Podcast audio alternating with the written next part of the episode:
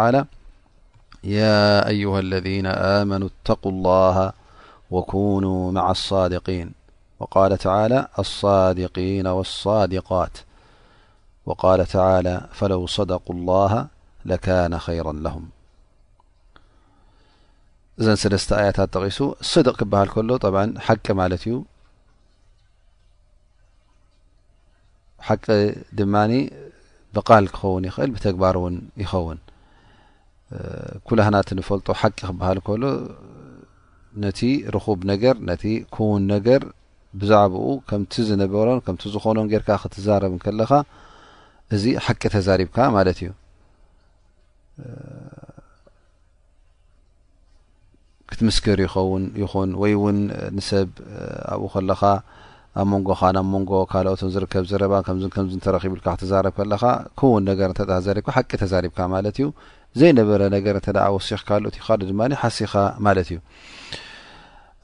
እዚ ኣብ ቃል ከሎ ኣብ ተግባራትና እውን ሓቂ ተግባር ክበሃል ይኽእል መዓስ እዩ እንተ እቲ ኣብ ልብኻ ዘሎን ኣብ ግዳም እተተግብሮን ሓደ ምስ ዝኸውን እስኻ ብተግባርካ እውን ሓቀኛ ትበሃል ማለት እዩ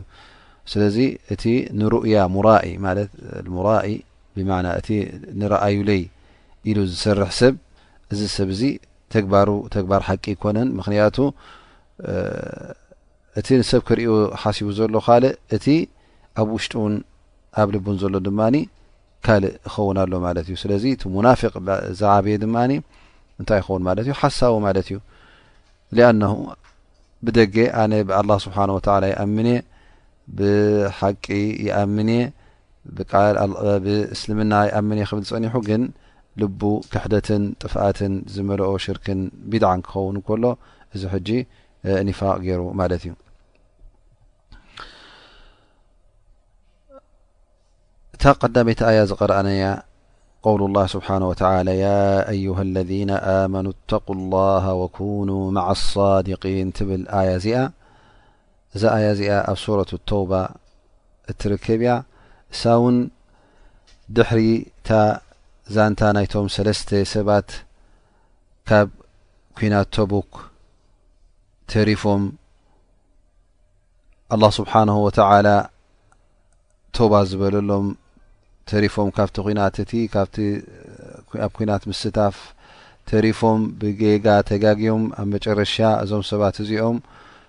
ሓቂ ስለ ተዛረቡ ኣላ ስብሓን ወተዓላ ቶባ ዝበልሎም ሰባት ብዛዕባኦም ትጠቅስ እያ ስለዚ ኣላ ስብሓን ወላ ያ ኣዩሃ ለذና ኣመኑ እተق ላሃ ወኩኑ ማዓ ኣሳዲቂን ክብለና ከሎ ማለት እቲ ሓቂ ንገዛእ ርእሱ ኣንቱም ብኣይ ዝኣመንኩም ኣንቱም ምእመናን ረቢ ፍርህዎ ንረቢ ፍርህዎ ምስቶም ሓቀኛታት ድማ ኢተቁላሃ ኣወለን ካብ ረቢ ተጠንቀቁ ኣብ መንጎኹምን ኣብ መንጎ ቁጣ ኣላህን መከላኸሊ ግበሩ ወኩኑ ማዓ ኣሳድቂን ምስቶም ሰብ ሓቂ ድማ ኩኑ ማለት ምስቶም ሓቂ ዝዛረቡ ምስቶም ሓቀተኛታት ኣብ ልቦምን ኣብ ግዳምን ዘለዉን ኣብ ኩሉ ሓደ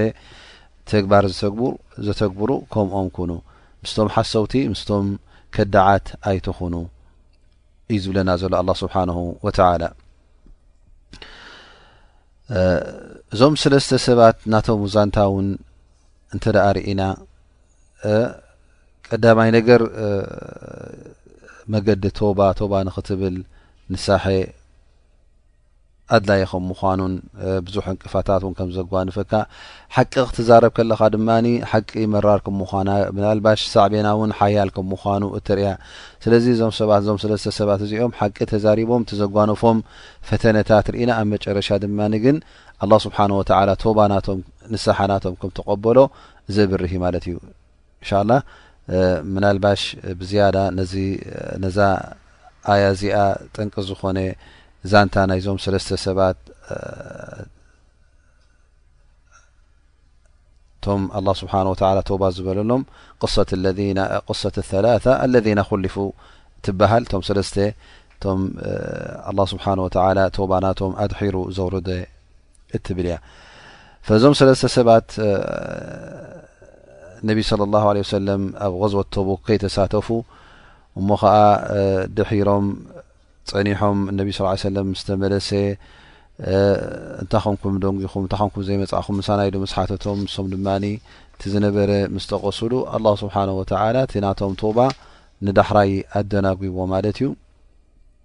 ግን ሓቂ ስለ ተዛረቡ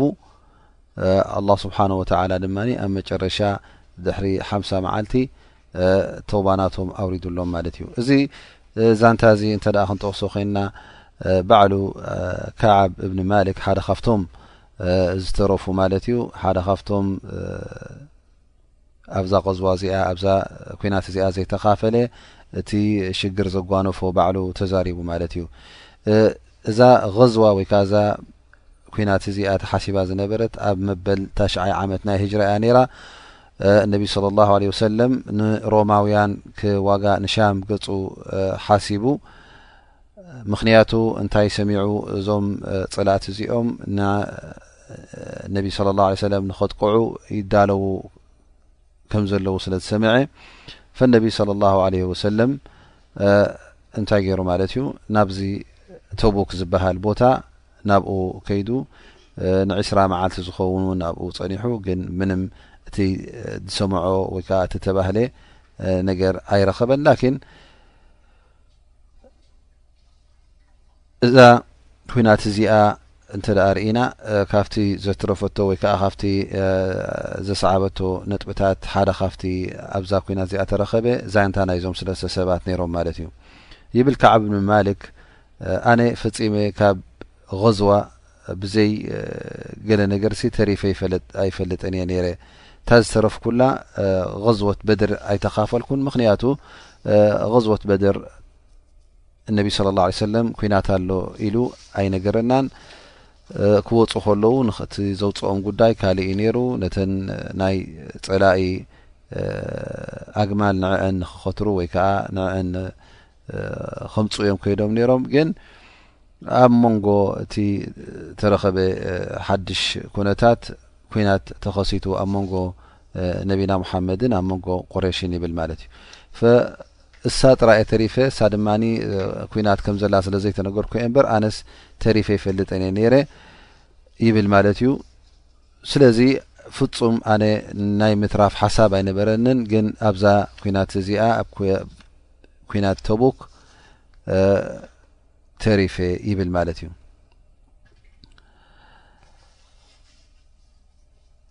ይብል ካዕብ ን ማልክ ኣነ ንገዛ ርእሰይ እዛ ኣብዛ ሰዓት ኣብታ ሰዓት እቲኣ እታ እነቢ ስለ ላ ሰለም ክተቱ ተዓጠቑ ዝበሉላ እዋን ኣብ ንብረተይ ኮይኑ ኣብ ጥዕናይ ኮይኑ ኣብ ጉልበተይ ኮይኑ ኣብ ዝመልኮ ዝውንኖ ናይ መጓዓዚ ኣግማል ኮይኑ ኣነ ሙሉእ ዘይጉዱል ዩ ነይሩኒ ኣብታ ግዜ እቲኣ ከም ሽዓ እውን ከም ዝኣመሰለ ፍስሃ ወይ ከዓ ከም ዝኣመሰለ ሽሻያት መፂኑ ይፈልጥ እንተኣኪቡላ የፈልጥን ብሓደ እዋን ይብል ማለት እዩ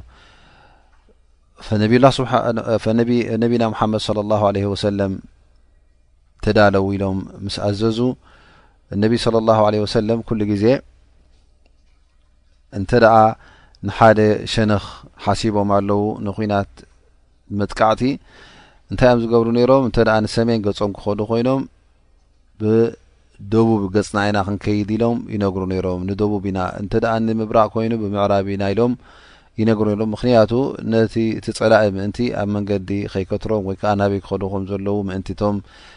ዓይንታት ወይ ከኣ እቶም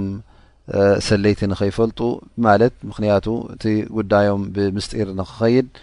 ክወጹ ከለዉ እውን ወላ ብመዲና ክወጹ ከለዉ ንሰሜን እናሓሰቡ ከለዉ ንደቡብ ይብገሱ ዳሕራይ ተጠወው እዮም ናብ ንሰሜን ይኸዱ ነይሮም ማለት እዩ ኣብዛ غዝዋ እዚኣ ናይ غዝወት ተቡክ ግን ነቢይ صለ ላሁ ለ ወሰለም ተቡክ ገጾም ሓሲቦም ከም ዘለዉ ነጊሮም ማለት እዩ ንተቡክ ኢና ንብገስ ዘለና ኢሎም ኩልኹም ክትከቱ ኣለኩም ምክንያቱ ፀላኢ ኣብኡ ይተኣኻኻበሉ ስለ ዝሰማዕ ዩ ጌና ናባና ንዓና ክጥቅዕ ከይተበገሰ ከሎ ኣብኡ ኬድና ንሕና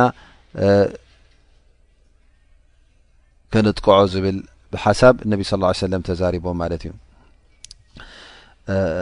ዑለማ እብሉ እዞም ናይ ታሪክ ናይ ሲራ ስለምንታይ እነቢ ስለ ላሁ ለ ወሰለም እዛ ኩናት ተቡክ እዚኣ ተኺሎም ነጊሮም ብቐጥታ ኣበይ ከም ምዃና ዝነገሩ ምኽንያቱ ይብሉ ቀዳማይ ነገር እቲ ጉዕዞ ነዊሕ ስለ ዝነበረ ካብ መዲና ክሳዕ ተቡክ መዓት ምድረ በዳን ሑፃን ፀሓይን ፅምእን ስለ ዘለዎ እቲ ሰራዊት እቲ ዝብገሲ ሙሉእ ዘይጉዱል ስንቂ ንክማላእ ብማለት እነቢ ስ ሰለም ነጊሮሞም ማለት እዩ ንክዳሎ ማለት እዩ ከምኡ ውን እቲ እዋን እቲ ፀሓይ ዝብርትዓሉ እዋን እዩ ነይሩ ኣብዚ እዋን እዚ እውን ኣብቲ ግዜ ሓጋይ በዓል መዲና እንታይ ይኸውን ነይሩ ማለት እዩ ተምሪ ይኹን ካልእ ዓይነት ፍርያት ዝበስለሉን ዝብልዓሉን እዋን ስለ ዝኾነ መብዝሕቶም ኣብዚ ግዜ እዚ እንታይ እዮም ዝገብሩ ነይሮም ማለት እዩ ካብ መዲና ወፁ ይነበሩን ግዜ ናይ ዕረፍቲ እዩ ነይሩ ማለት እዩ ክትገይ ሽግር እዩ ነይሩ ስለዚ ተምሪ ዝርከበሉን ፍሩታታት ብብዓይነቱ ዝርከበሉን ዝበልዕሉን እዋኖም ስለ ዝኾነ ዳርጋ እንቀሳቀሱ ይነበሩን ንመገሻ ስለዚ ኣብዚ እዋን እዚ እውን ከምዚ ስለ ዝኾን ነቢ ስ ሰለም እታ ጉዕዞ ከም ዘላ ነጊሮሞም ማለት እዩ ካልኣይ ኣብ ሳልሳይ ነጥቢ እውን እቲ ፀላኢ ብዝሒ ከም ዘለዎ ንክፈልጡ እሞ ከዓ ተዳልዮ ከም ዘሎ ፀላኢ ንክፈልጡ እቲ ሰራዊት እንተ ፈሊጡ ድማ ብዝያዳ ንክዳሎ እዮም እነቢ صለ ላه ለ ወሰለም ከምዚ ገይሮም ነጊሮም ይብሉ ስለዚ ንኩሉ ኣስላማይ ኣብ መዲና ዝነበረ ንክኸትት እነቢ صለ ላه ለ ወሰለም ትእዛዝ ምስ መሓላለፉ ኩሉ እውን ተዳልዩ ተበጊሱ ዝተረፈ እውን ኣይነበረን ብጀካ እቶም ሰለስተ ሰባትን ወይ ካልኦት ሙናፍቒን ዝኾኑ ማለት ኣብ ልቦም ፅኑዕ ኢማን ዘይብሎም ወይ ከዓ ብግዳሞም ኣስላም ኢና ኣመንቲ ኢና እናበሉ ብውሽጦም ካልእ ዝሓብኡ ዝነበሩ እንተዘይኮይኖም ሲ ካልእ ዝተረፈ ኣይነበረን ፈነቢ ስለ ላሁ ለ ወሰለም ንተቡክ ገፆም ተበጊሶም ካዕብ እብኒ ማሊክ ይብል ኣነ ንኽወፅእ ሓስብ ነይረ ግን ብሎሚ ፅባሕ ሎሚ እዳሎ ፅባሕ እዳሎ ሎሚ እዳሎ ፅባሕ እዳሎ እናበልኩ ከይተዳለኹ እቲ ሰራዊት ቀዲሙኒ ተበጊሱ ምስ ተበገሰ እውን ኸላስ እንታይ ኣለዎ ደይ ፅባሕ ከርክቦም እየ ኣነ ኣለኒ ንብረት ኣለኒ ኩሉ ተዳልየ እየ ዘለኹ ብዙሕ ኣይልዮን ኢለ ከምኡ እናሓሰብኩ ሎሚ ወፅእ ፅባሕ ወፅእ እናበልኩ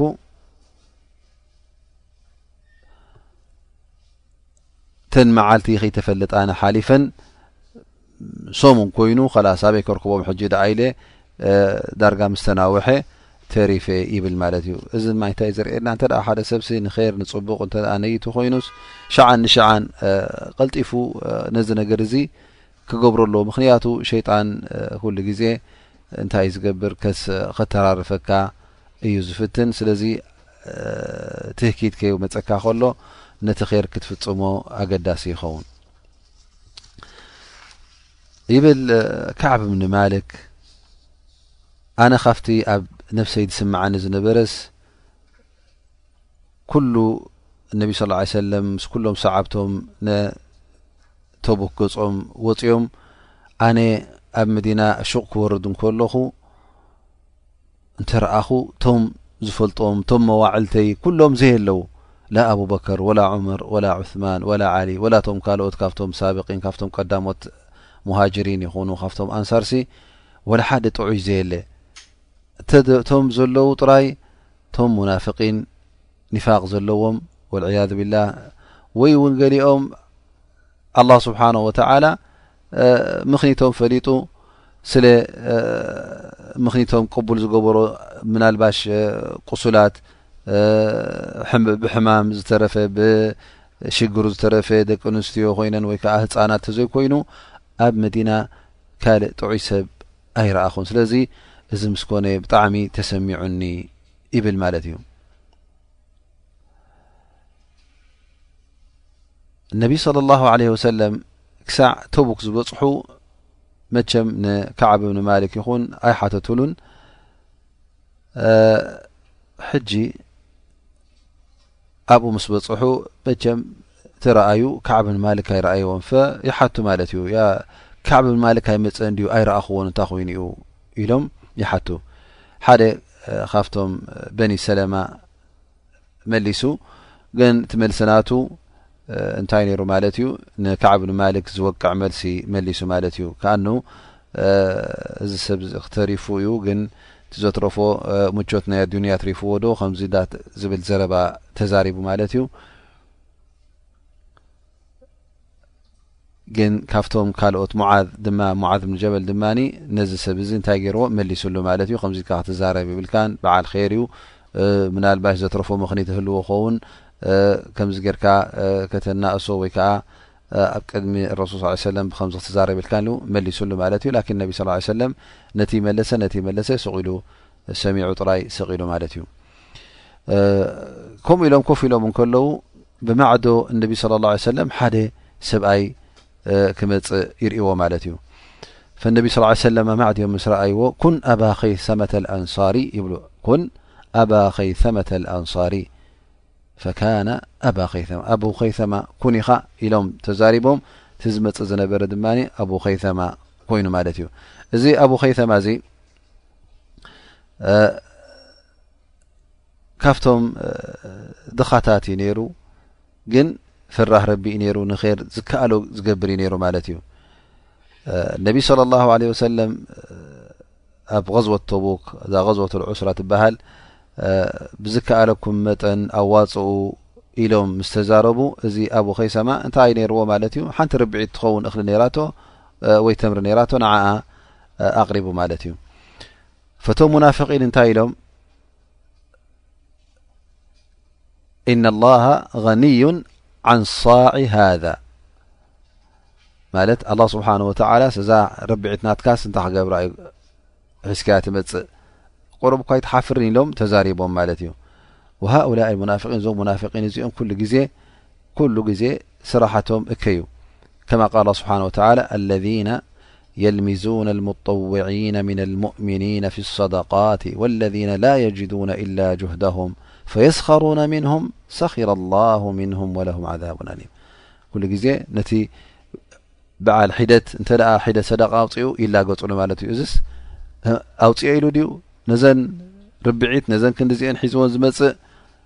መዓስ ረቢ ናትካ ዚታት ደልዩልካ እነ ኣላ ስብሓን ወተዓላ ገኒዩን ዓንካ ኢሎም እዛረቡ እንተ ደኣ ፅቡቕ ከፍ ኢሉ ድማ ሓደ ሰብ ሃብታም ኮይኑ እንተ ሊላ ኢሉ ገንዘብ እተ ኣብዚሑ ትሪኦ ዘለካ ዘኮ ንረኣይሎ እዩ ኮዩ ዝገብሮ ዘሎ ኢሎም ይዛረቡ ማለት እዩ ስለዚ ብዝከኣለካ ፅቡቕ እንትኸፈልካ ኣይደሳ ይብሎም እንተ ክእለት ስኢንካ ኣውሒድካ እተ ከፊልካ ድማ ኣይዓጅቦምን እዩ ምክንያቱ ሙናፊቒን ኩሉ ግዜ ኼር የብሎምን። እቲ ኒፋቕ ድማ ኣብ ኩሉ ግዜ ዘሎ'ዩ፣ ኣብዚ ግዜና፣ ኣብ ግዜ ነቢና ሙሓመድ ሰለላሁ ዐለይሂ ወሰለም ነይሩ፣ ኣብዚ ግዜና ኣሎ፣ ነልካ ደኣሰ ሕጂ'ውን እንተ ደኣ ኣንጻርቲ ናይ ኣስላማይ ተባሂሉ፣ ኣንጻርቶም ፈራሃት ረቢ፣ ኣንጻርቶም ሰብ ኼር ዝዛረብ እንተ ደኣ ዀይኑ፣ ነቲ እስልምና ድማ ብጉድለት ወይ ከኣ ብገለ ገለ ጌጋታት ዝገልጾ እንተ ኮይኑ እዚ ሰብ እዚ እቲ ናይ ብሓቂ ኢማን የብሉን ማለት እዩ እንታይ ደኣ ንሽሙ እዩ ሽም ኣስላማይ ሒዙ ዝኸይድ ዘሎ ደኣ እምበር ናይ ብሓቂ እስልምና የብሉን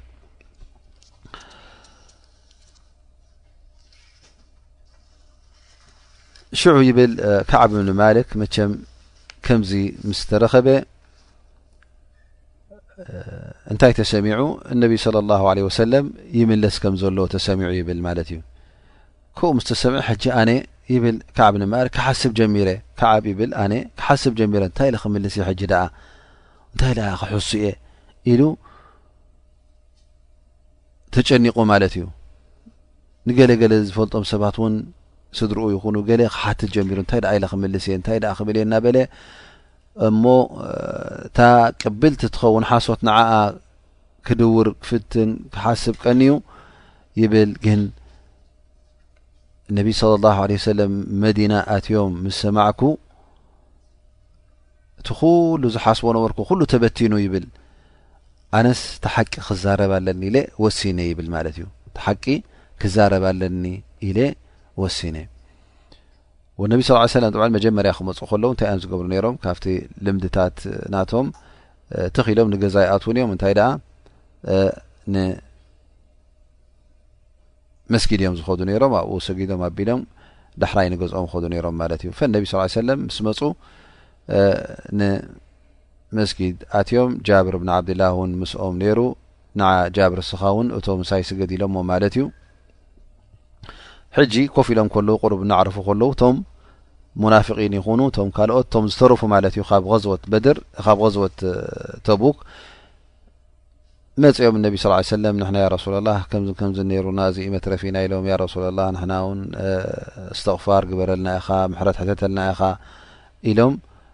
ምኽኒታት የቕርቡ ነይሮም ማለት እዩ እቶም ሙናፍቒን ብሕሶት ብገለ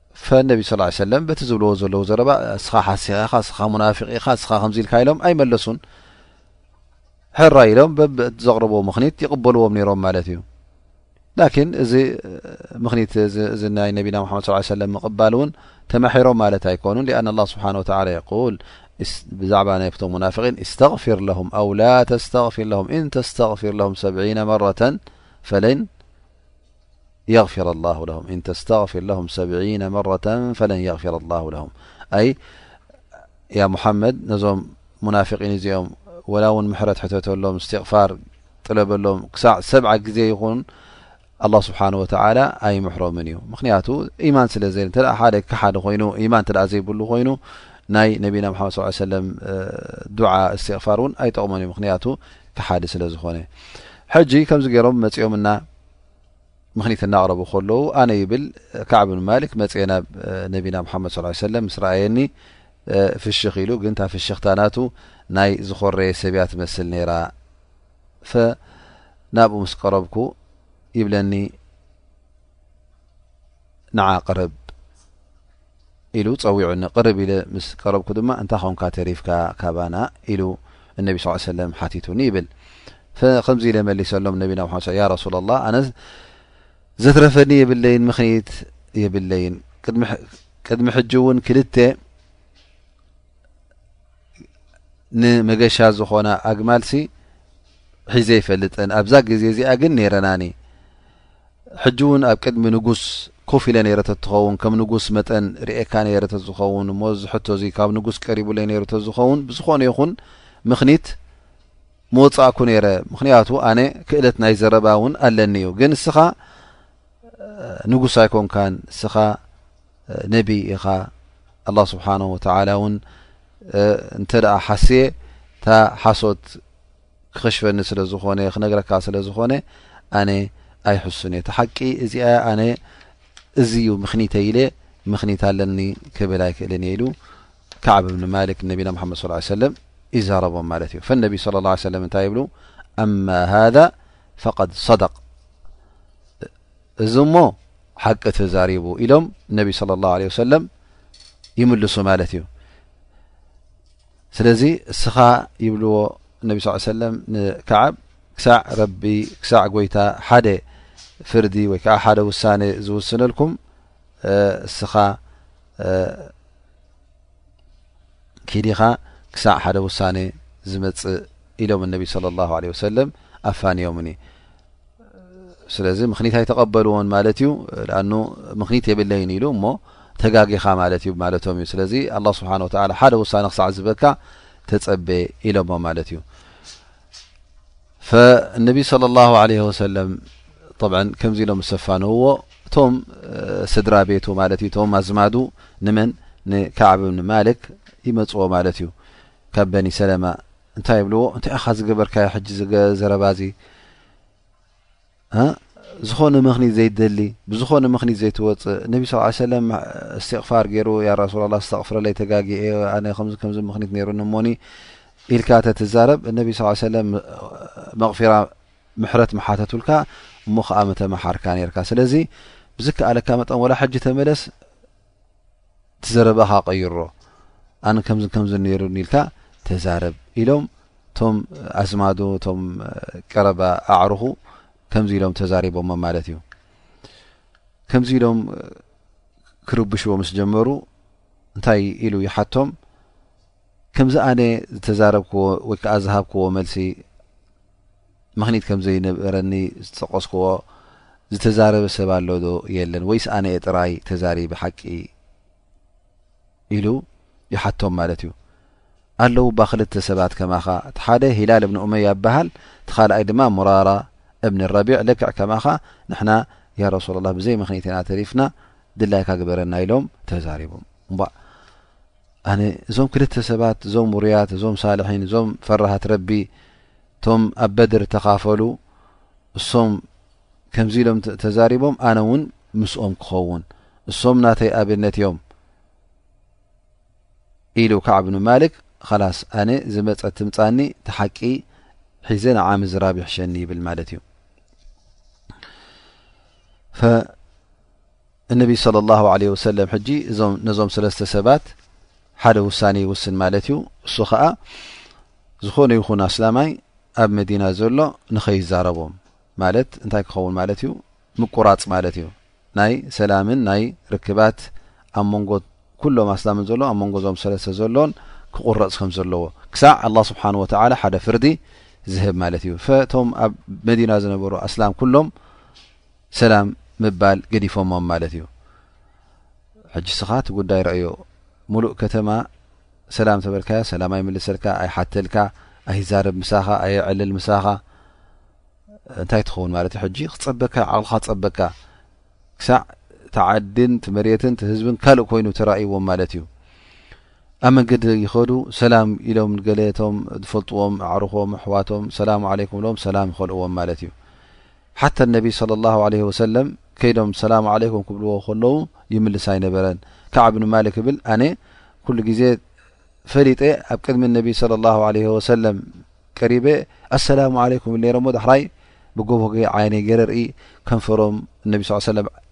ኣንቀሳቂሶም ማዶ ኣየንቀሳቀስዋን ኢለ ይጠምት ነይረ ይብል ማለት እዩ። እዚ ንክንደይ መዓልቲ ቀፂሉ ብከምዚ ነርብዓ መዓልቲ ቀፂሉ ማለት እዩ ድሕሪ ኣርብዓ መዓልቲ ፀቢቡና ኩነታት እናበሉ ከለዉ ኣነቢ ስለ ላሁ ለ ወሰለም እውን ቲ መቕፃዕቲ ጌና እንታይ ውስኾም ማለት እዩ ጌና ካልእ መቕፃዕቲ ክውስኾም እዩ ይብል ካዕብን ማልክ እቲ ጉዳይ ኩሉ ፀቢቡኒ ኣነ እቶም ክልተ ኣዕሩኸ ይብል ቶም ካዕብ ሂላል እብኒ ኡመያ ወሙራር እብኒ ረቢዕ እቶም ክልተ ተቐፂዖም ዘለዉ ከማይ እሶም ዓበይቲ ስለ ዝነበሩ ቁሩብ እወፁ ይነበሩን ካብ ገዛ ኣነ ግን እንታይ ይገብር ነይረ ይብል ይወፅእ ነይረ ኣነ ግን ይወፅእ ነይረ ይብል ማለት እዩ እኽዋን ድምፂ ስማዕ ኣሎ ወላ ስማዕ የለን ከክልተ ትብን ኣለኹም ስማዕ ኣሎ ይ ባረከ ላ ፊኩም ሕጂ ይብል ኣነ ግን ቁሩብ ፅኑዕ እየ ነይረ ስለዚ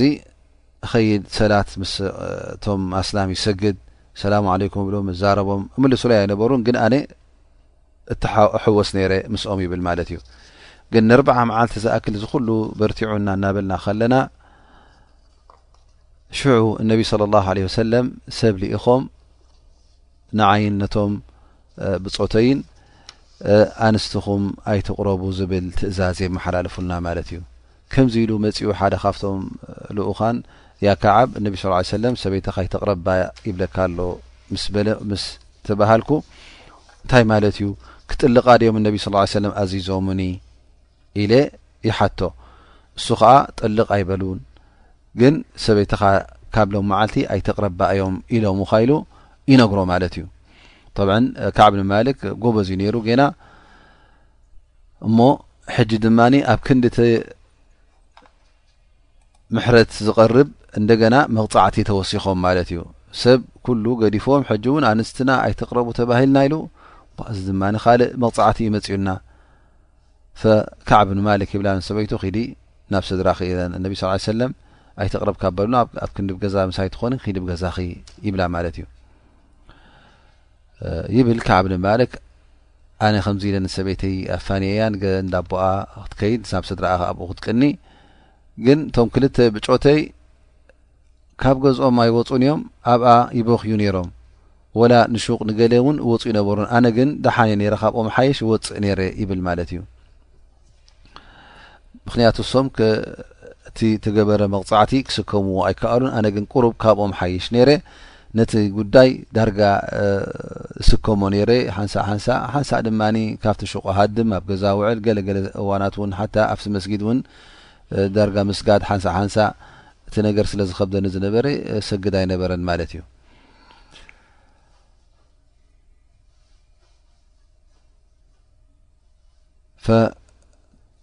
ከምዚ ገይሮሞ ማለት እዩ እቲ ህብረተሰብ ኣስላም ኩሉ ካብኦም ርሒቑ ወላ ኣንስቶም እውን ካብኦም ርሒቐን ማለት እዩ ይብል ሓንቲ ሓደ መዓልቲ እና ወፅኤ እናተዛወርኩ ከለኹ ናብ መን ይኸይድ ብል ናብ ኣብ ቀታዳ ሓደ ካብቶም ወዲ ሓውቦይ ይብል እሱ ከዓ ካብቶም ዝፈትዎም ዝነበርኩ ቀረባ ሰባት ይብል ኣበይ መፁ ኣብቲ ጃርዲን ናቱ መፅኤ ኣብ ክንዲ ኣፍ ደገ ዝኣቱ ተዓፂጉዲ ነይሩ ኮይኑ መንደቅ ነጢረ ይኣትዎ ማለት እዩ መንደቅ ነጢረ ኣትዮ ሰላም ዓለይኩም ብሎ ሰላም ኢለ ምስ በልክዎ ምምላስ ይኣቢ ማለት እዩ እዚ ኩሉ ፍቅሪ ኣብ መንጎ ወይን ኣብ መንጎኡ ዝነበረ ዝወዲ ሓውበይዚ ወላ ሰላም ከሊኡኒ ይብል ማለት እዩ እንደገና ውን ሰላም ይብሎ ኣይምልሰለይን እሞ ክሳዕ ክንዲዚ ተፀሊአ የ ዘለኹ በኣር እንታይ እዛ ዝገበርኩ በር ዓባይ ዘንቢያ ነራ ኢሉ ሕጂ ክሓስብ ይጀምር ማለት እዩ እዚ ወዲ ሓውበይ እዚ ዝፈትዎ ዝነበርኩ ንሱ ኳ ግልፅ ዘይበለኒ ንሱ ኳ ቁሩብ ዘይረሓመኒ ንሱ ኳ ቁሩብ ዘይሸፈቀለይ ኢሉ ይዛረብ ማለት እዩ እዚ ኣብ ቆታታ ድማ ትእዛዝ ናይ ነቢና ሓመድ ስ ሰለ ስለ ዝኾነ ኣይትዛረብዎም ኣይትቕረብዎም ስለተባህለ ናይ ነቢ ሓመድ ስ ሰለም ትእዛዝ ቀጥ ኣቢሉ ክሕ ስለ ዝደለየ ነዚ ወዲ ሓውቦኡ እዚ ገፃ ይሃቦን ማለት እዩ ኣብ መጨረሻ እንታይ ኢሉ እንሽዱካ ኣላህ ሀል ተዕለም ኣኒ ኡሕቡ ኣላህ ወረሱለሁ ኢለይ ሓቶ ማለት ብጐይታ ብኣላህ ስብሓን ወተዓላ ሓተካን እምሕፀነካን ኣነስ ንኣላህን ንረሱልን ከም ዝፈቱ ኣይትፈልጥን ዲኻ ኢለ ይሓቶ ከምዚ ኢለ ምስ ሓተትክዎ ኣይመለሰለይን ደጊመ ደጋጊመ እንሽዱካ ላ ኢለ እውን ምስ ኣበርታዕ ኩሉ ኣቡ ቀታዳ ይብል